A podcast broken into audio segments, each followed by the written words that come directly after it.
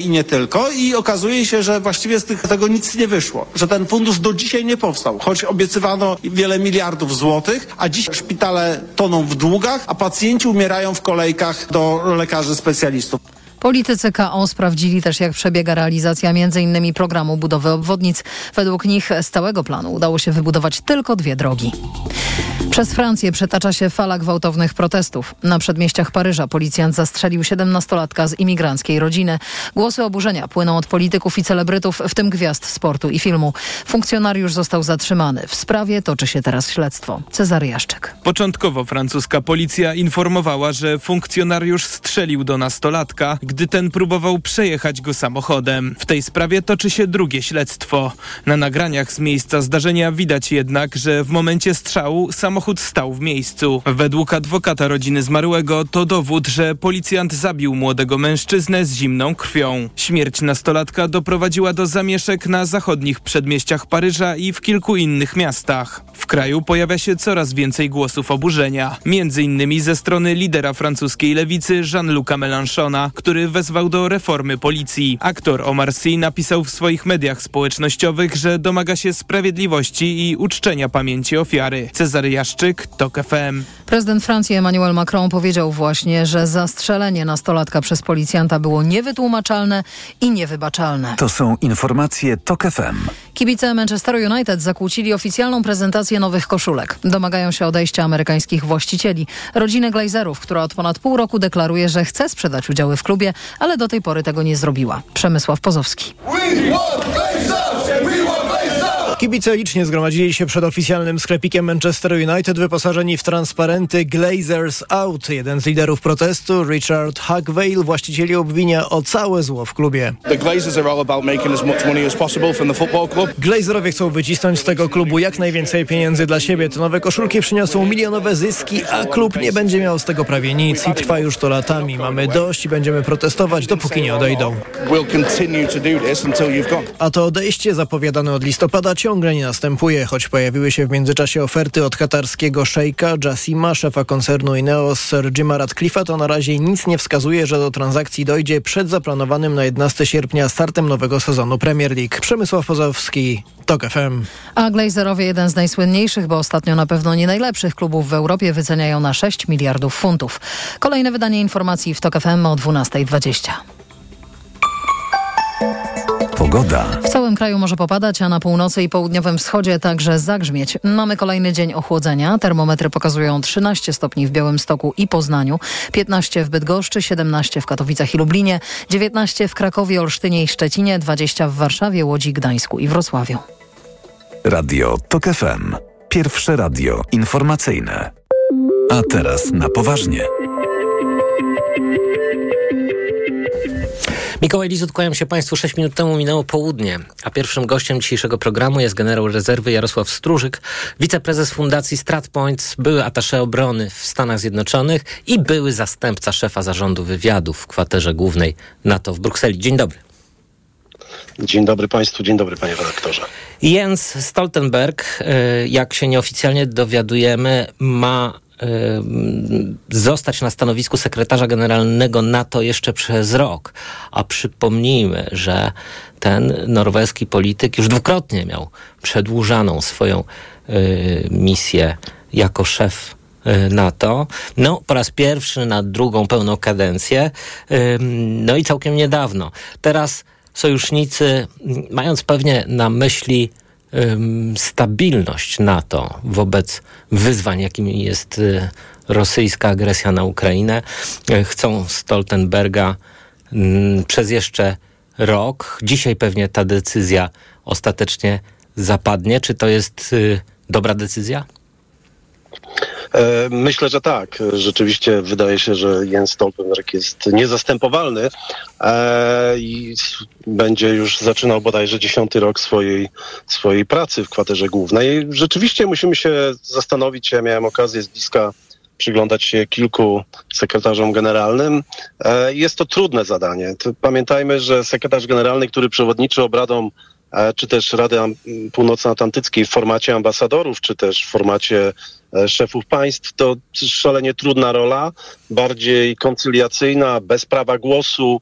E, i lepiej, że jest to osoba doświadczona, która nie powoduje konfliktów i to widzieliśmy przez ostatnie e, 9 lat, zatem e, to bardzo dobra decyzja, chociaż jak rozumiem zapewne Jens Stoltenberg, służący przecież od samego początku w tym trudnym e, klimacie rosyjskiej agresji e, na Ukrainę, bo to akurat jego kadencja cała to jest ta wojna okrutna. Natomiast, tak jak mówię, myślę, że to dobra decyzja, ale też pokazuje trudności w samym NATO co do uzyskania konsensusu co do następcy. A no właśnie.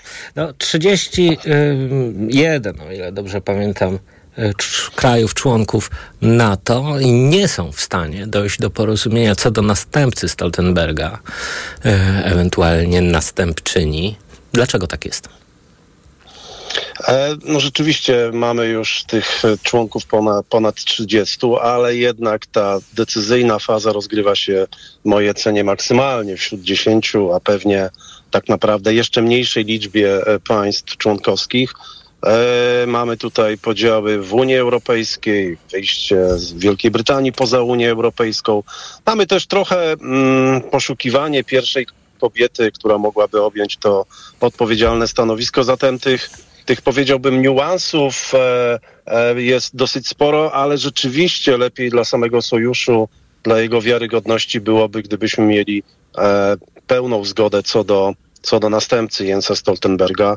E, zatem, tak jak mówię, no, dla decyzyjności, dla pokazania wiarygodności sojuszu lepiej, żeby rzeczywiście ten, ten sekretarz generalny zmienił się już w tym roku, no ale to są, powiedziałbym, sprawy e, w jakim stopniu jednak drugorzędne. Lepiej, żeby wzmacniane było finansowanie sojuszu, ćwiczone były pewne warianty wojskowe, co do tego, żeby była zgoda. A, a myślę, że to właśnie Jens Stoltenberg potrafi zapewnić. Panie generale, przyjrzyjmy się teraz sytuacji frontowej na, y, za naszą y, wschodnią granicą, czyli w Ukrainie. E, Ciekaw jestem, y, czy armia ukraińska mm, broniąca swego kraju zdyskontowała jakoś y, no, ten przedziwny y, pucz, który odbył się w Rosji w weekend. E, No cóż, e, każdy z nas chciał jakoś to zdyskontować. Myślę, że ten krótki pucz e, 24-godzinny czy około 30-godzinny e, zapewne e, wyzwalał pewne dążenie mm, w Kijowie do e, szerszej kontrofensywy. Bardzo dobrze, że tak się nie stało. Wszystko ma się toczyć zgodnie z planem Kijowa, a nie zgodnie z planem Moskwy czy Prigorzyna. E, zatem te, te skromne postępy Ukrainy i w trudnej, ofensywnej działalności tutaj Ukraina przekonuje się co do tego, że ofensywa jest znacznie trudniejsza niż obrona, a z drugiej strony e, Rosjanie przygotowani do tej obrony e, dosyć sprawnie bronią się, czy też przygotowane linie obrony e, działają. Zatem mm, no mamy tutaj też ograniczone, powiedziałbym, informacje na ten temat. e, No właśnie, E, widzimy I to jest, jest rzeczywiście jakaś mgła informacyjna wokół y, mm, zarówno Puczy Prigorzyna, jak i tego, co się z nim teraz dzieje, jak i tego, co z Wagnerowcami, Ym, czy y, słowa Putina można brać za dobrą monetę, że y, ci, co chcą, zostaną wcieleni do, do armii, a ci, co nie, mogą wyjechać e, na Białoruś. Em, Niewiele wiemy też o okolicznościach, o negocjacjach z Prigorzynem, co mu Putin obiecał, czy będzie chciał go teraz zabić. Co zresztą byłoby, wpisywałoby się jakoś w obyczajowość e, tego e, reżimu. Ale ja chciałem zapytać pana, nie generale, czy wierzy pan w takie pojawiające się, e, no dosyć wydaje mi się fantastyczne e, teorie, że e, cały pucz Prigorzyna był wyreżyserowany przez e, reżim Putina po to właśnie, żeby e, kontrofensywę ukraińską po prostu podpuścić. Nie wiem, czy w tym celu, w jakim stopniu jest to bar- bardziej prawdopodobne, że było to pod kontrolą w jakim stopniu. Nie, tutaj reżyseria myślę, że mm, jest dosyć trudnym elementem obecnie e, w Rosji. E, Zatem bardziej sądzę, że była to pod, było to pod kontrolą. Być może jeden z tych momentów to, czy też e, skutków miała być rozpoczęcie kontrofensywy, ale bardziej myślę, że jednak to jest ten moment, w którym Putin e, chętnie dokona zmian czystek, jakkolwiek je nazwiemy. Co do Prigorzyna sądzę, że będzie żył, będzie dalej przydatny w paru miejscach, e, oby oczywiście nie gdzieś e, na kierunkach natowskich. Natomiast y, wierzę też, że Prigorzyn miał wsparcie większe bądź mniejsze kilku oligarchów, a zatem co do żołnierzy czy też najemników, wagnerowców, wcielenie ich do armii to jest najprostsza rzecz chyba i najprostsze zadanie e, wcielenia do armii to jest rosyjskiej, to jest najłatwiejsza sprawa. E, Mięso armatnie, każde zostanie przyjęte.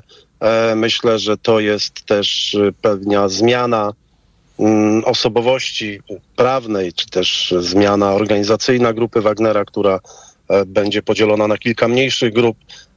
Jednak grupa Wagnera bez finansowania rosyjskiego, bez finansowania państwowego nie ma racji bytu, zatem ten, ten, ten podmiot, nawet jeżeli będzie na Białorusi w dalszym ciągu, będzie kontrolowany w jakimś stopniu, dużym stopniu przez Moskwę. Panie generale, hmm, powiedział pan, y, wydaje mi się, rzecz szalenie y, ciekawą i właściwie kluczową w sprawie y, tego puczu. Chodzi o oligarchię. Jeżeli rzeczywiście jest tak, że część tych najbogatszych władców Rosji buntuje się przeciw Putinowi, no bo po prostu on żywotnie zagraża ich interesom, no to mamy do czynienia no, z pewną poważną rysą na, na tym marmurowym posągu e, władzy Putina. E, I czy mm, sądzi pan, że e, ten pucz może być zwiastunem poważnych zagrożeń dla obecnego reżimu? Chciałbym w to wierzyć, natomiast nie sądzę, aby to było możliwe w perspektywie krótkoterminowej, rocznej, dwuletniej. Myślę jednak, że w tej perspektywie kilkuletniej e, to może być początek końca Putina. E, Być może wyjdzie on wzmocniony. Co do oligarchów, e, wiemy, że mm, część z nich na pewno była niezadowolona od początku. E, Część też e, umierała w zagadkowych okolicznościach, tych być może trochę mniejszych oligarchów. E, Zatem na pewno jest to konflikt interesów, z tym, że e, no, w Rosji jednak mamy do czynienia bardziej e, z takim, powiedziałbym, przesłaniem albo buntujesz się, albo możesz zginąć, albo rzeczywiście podporządkowujesz się Putinowi. Zatem e, no, to jest zagadkowa gra, która myślę, e, być może znajdziemy na nią odpowiedź e, kiedyś, ale dzisiaj ja nie sądzę, żeby Putin e, wszystko to reżyserował i miał to pod kontrolą i to powinien chyba być No nasz główny wniosek. Trudno by było przypuszczać, że tak jest, no zwłaszcza, że yy, cały, całe te zajścia weekendowe są dla Putina mocno kompromitujące, także w oczach yy, samych Rosjan. Ja wiem, że władza na Kremlu właściwie sprawuje się yy, często obok, jeśli nie przeciw opinii publicznej i ona w ogóle nie ma specjalnego znaczenia, no ale jednak yy, no dla Putina to to były zajścia kompromitujące. Marsz e, ponad tysiąc kilometrów, w- przejęcie przez bojówkę e, dwóch milionowych miast, no to rzeczywiście jest duży blamaż dla rosyjskiego dyktatora. Zdecydowanie tak. E, To pokazuje jednak e, pewną kruchość całej Rosji poza, poza Moskwą i e, pewnej, pewnego braku poczucia państwowości. To witanie tych e, Wagnerowców również przez część e, czy przez cywili e, w, Rostowie nad Donem było, było też dość ujmujące i wiele mówiące, ale jednak sądzę, że za dużo ludzi, czy też ta klasa i cała, powiedziałbym, system zależny od Putina będzie się skutecznie bronił, a jeżeli uznają, że znajdą godnego następcę, niekoniecznie bardziej jeszcze przewid- bardziej przewidywalnego niż Putin, e, to taka zmiana zostanie dokonana i być może do Soczi uda się e, Putin e, i tam odpocznie do końca swoich dni. Choć oczywiście chcielibyśmy, żeby odpoczywał w Hadze. Bardzo dziękuję. E, Generał rezerwy Jarosław Strużyk, wiceprezes Fundacji StratPoints, były atasze obrony w Stanach Zjednoczonych i były zastępca szefa zarządu wywiadu w kafaterze głównej NATO w Brukseli. Był gościem tej części programu. Bardzo dziękuję, a Państwa zapraszam na informacje. A teraz na poważnie.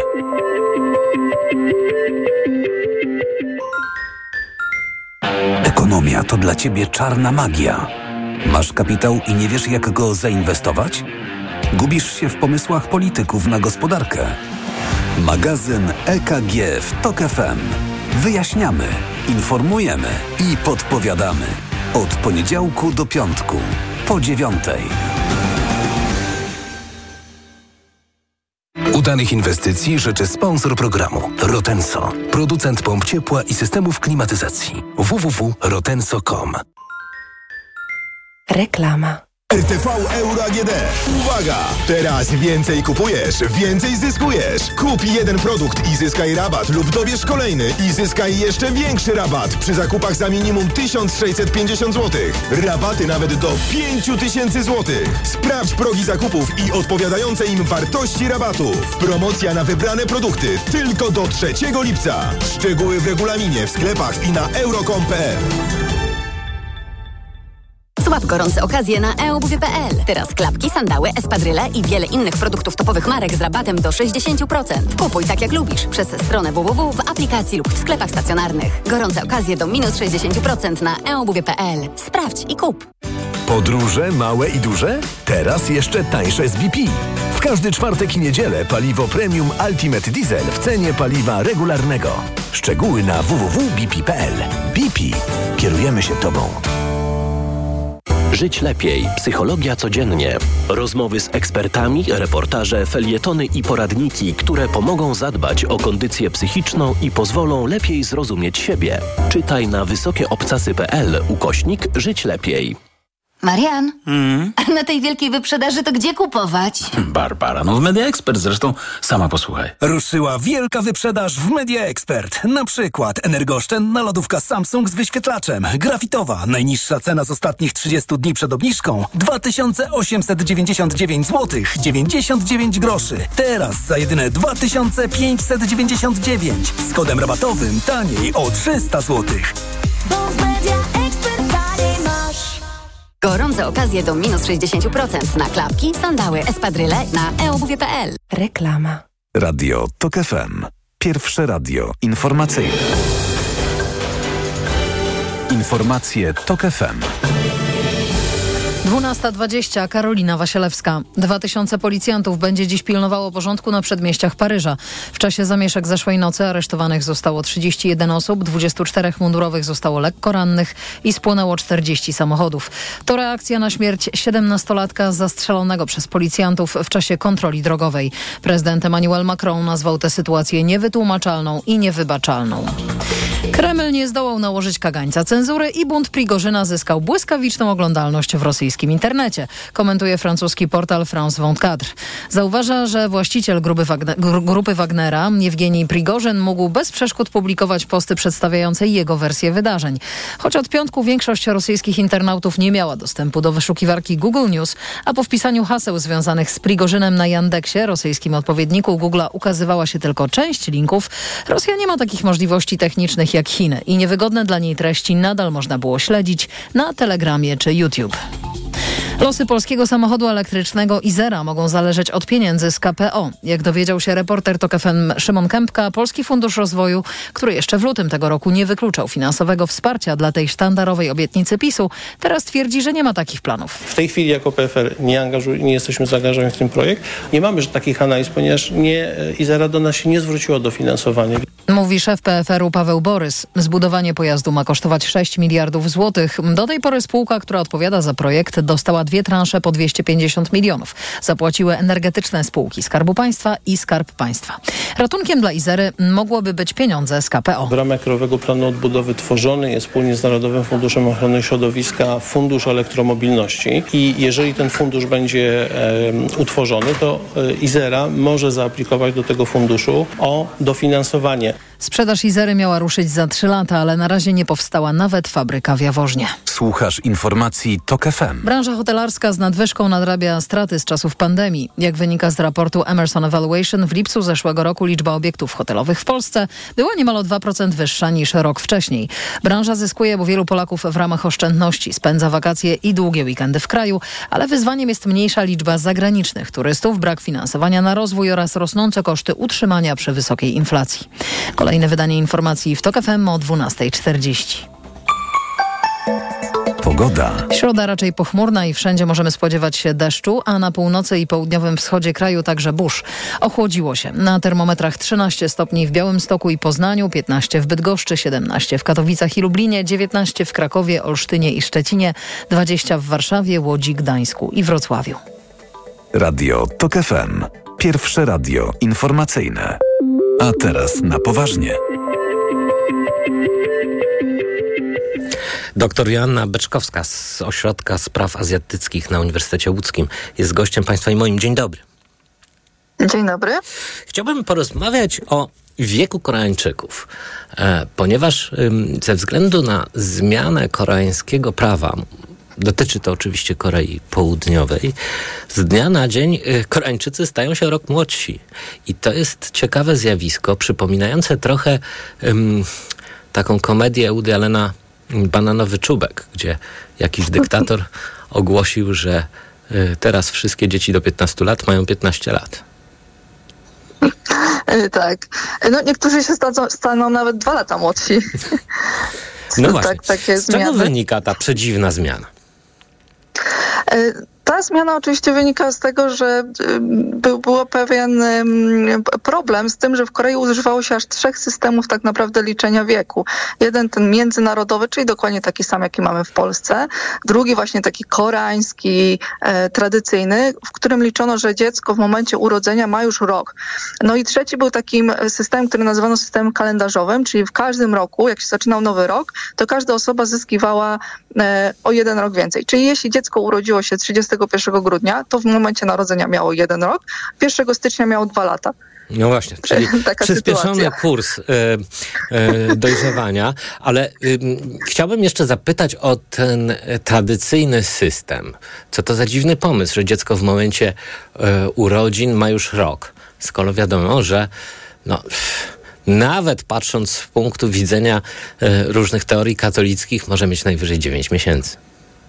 E, Tak, no to tutaj tak, e, tak przyjęto, zresztą trzeba wziąć także pod uwagę, że w Korei e, no, to jest państwo gdzieś tam z kręgu cywilizacji konfucjańskiej, tam mieliśmy chociażby bardziej kalendarz taki księżycowy, trochę inaczej było to wszystko liczone, więc też te, ten moment przyjmowania tego wieku, na przykład no teraz przyjęło się, że 1 stycznia się dodawało rok, wcześniej się dodawało zgodnie z kalendarzem tym księżycowym, więc no tutaj du- dużo takich, takich zawirowań, tak po prostu, tak po prostu przyjęto, że ten jeden rok w tym momencie, e, momencie urodzenia. E, No i te trzy systemy funkcjonowały obok siebie. E, Warto podkreślić, że jeśli chodzi o takie sprawy prawne, to tutaj przyjmowano jednak ten system międzynarodowy. Tak? Czyli tutaj wiadomo było, że no w paszporcie i tak dalej, i tak dalej obowiązuje ten system międzynarodowy.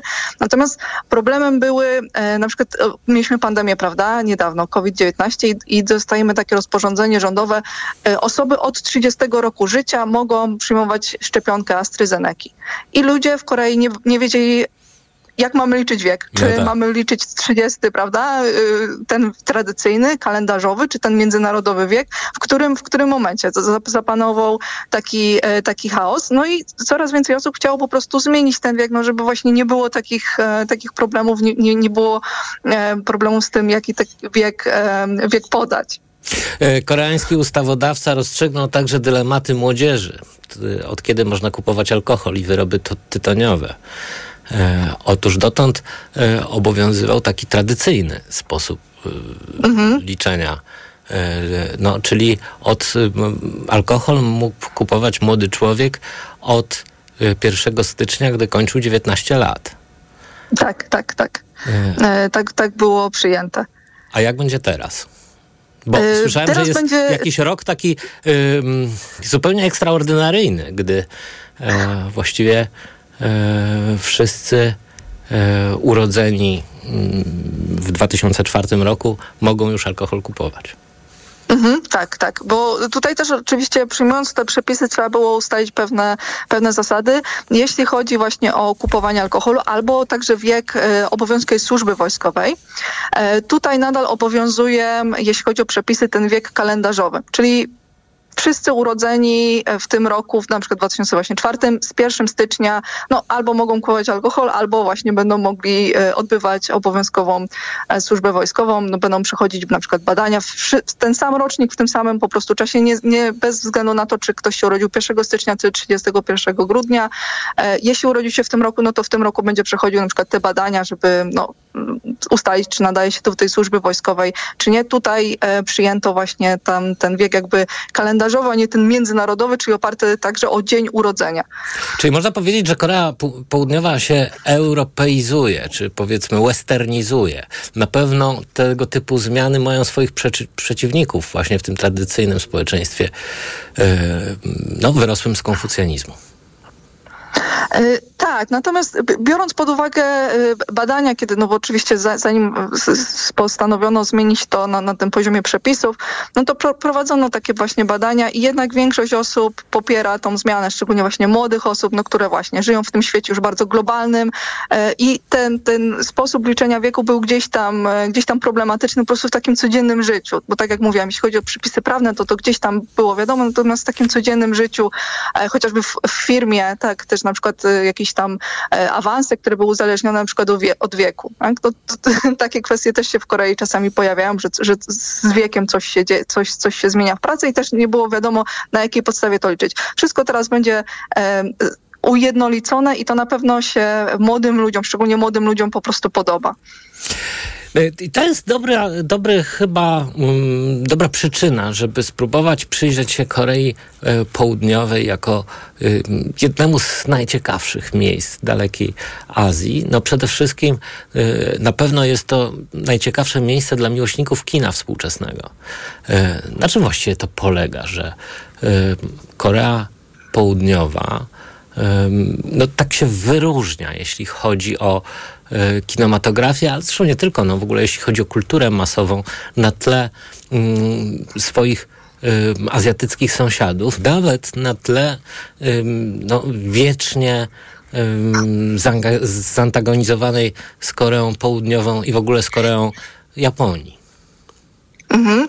E, tak, to jest e, e, ciekawe, ciekawe zagadnienie.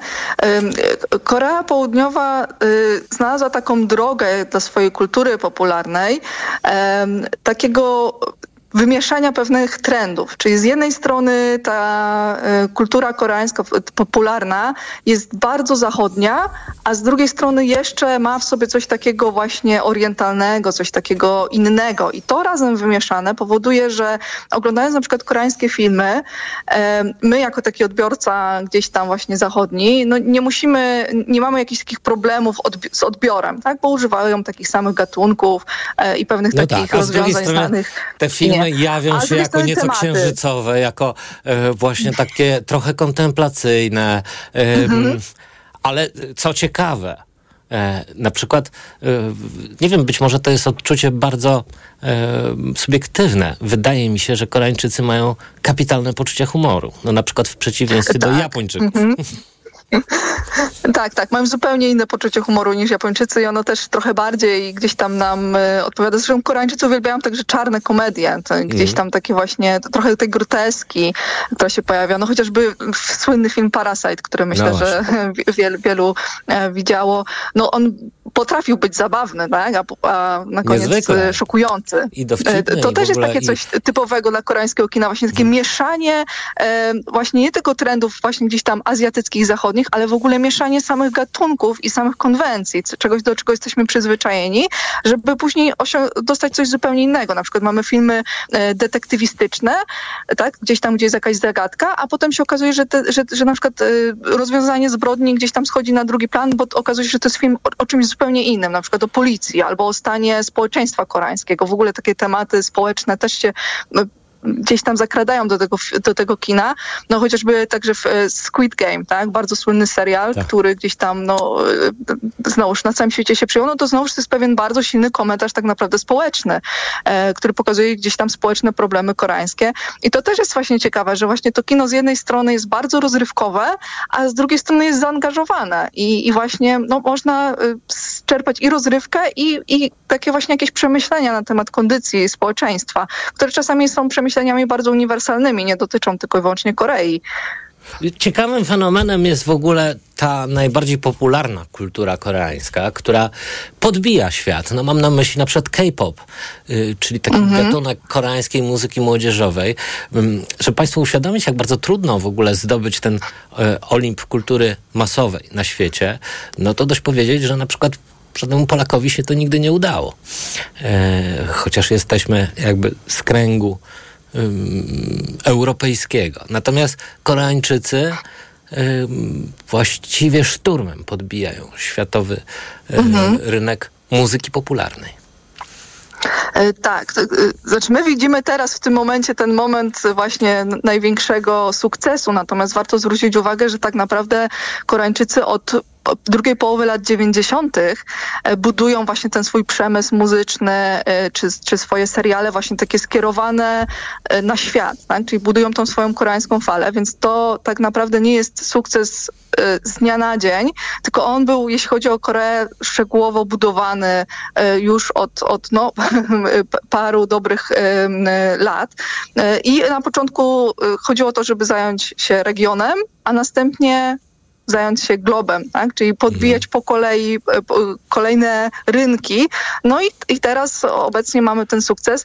E, Ja osobiście myślę, że tu jest także ta kwestia tego, że e, ci, my, tak właśnie gdzieś tam właśnie odbiorcy zachodni, jesteśmy troszkę już znudzeni pewną taką powtarzalnością, którą tutaj mamy i szukamy no, czegoś właśnie trochę innego.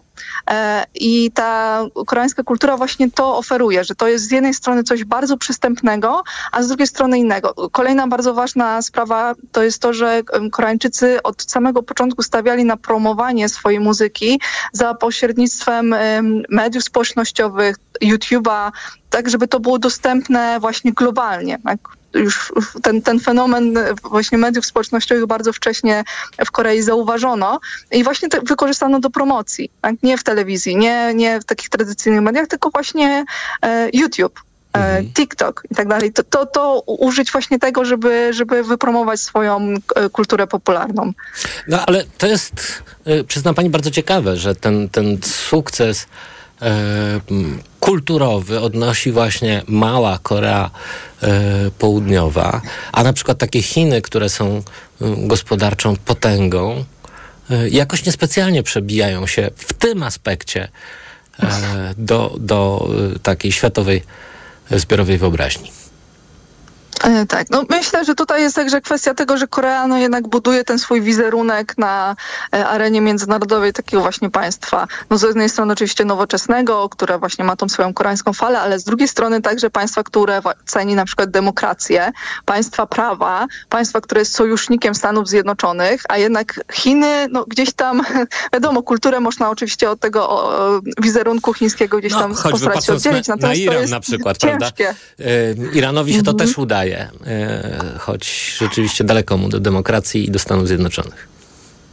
E, No, chi- chińska kultura jest także trochę bardziej, tak popkultura jest też troszkę bardziej specyficzna właśnie niż Korea. Koreańczykom udało się znaleźć ten złoty środek tego, żeby właśnie z jednej strony tworzyć te treści bardzo koreańskie, ale z drugiej strony, żeby one były właśnie Zrozumiałe łatwe w odbiorze dla Mhm. osób, tak, właśnie sp- spoza, spoza Azji, tak? I, Mhm. i, to jest właśnie ten klucz do sukcesu. To, co właśnie wyróżnia Koreę w porównaniu do Chin, w porównaniu do Japonii, e, która no, jest, e, no, kult, kultura popularna Japonii nadal jest popularna, ale ona jest dużo bardziej specyficzna i jednak trzeba e, dużo głębiej w nią wejść, żeby ją lepiej zrozumieć.